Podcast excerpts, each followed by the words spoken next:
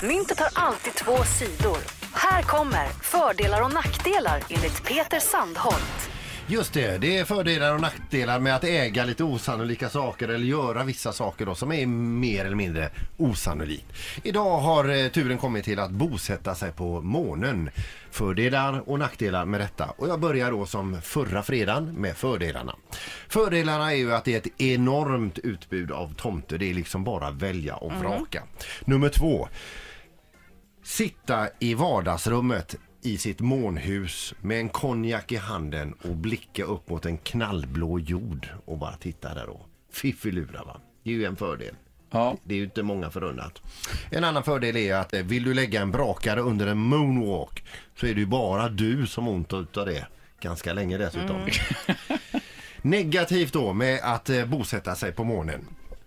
Till exempel, du är ute i din månträdgård och kickar boll eh, och du har ett sånt där litet mål uppställt. Du svinar till där ordentligt och du missar målet.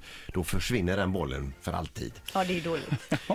Negativt då med att bosätta sig på månen. Du ska ladda din Mac men inser att det var en PC-laddare du fick med dig.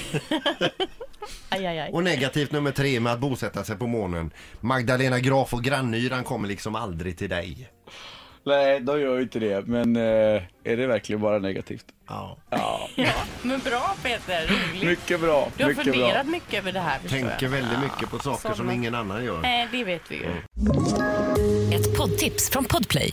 I podden Något Kaiko garanterar östgötarna Brutti och jag, Davva, dig en stor dos skratt. Där följer jag pladask för köttätandet igen. Man är lite som en jävla vampyr. Man har fått lite blodsmak och då måste man ha mer. Udda spaningar, fängslande anekdoter och en och annan arg rant. Jag måste ha mitt kaffe på morgonen för annars är jag ingen trevlig människa. Då är du ingen trevlig människa, punkt. Något Kaiko, hör du på Podplay. Därför arkadeinerna.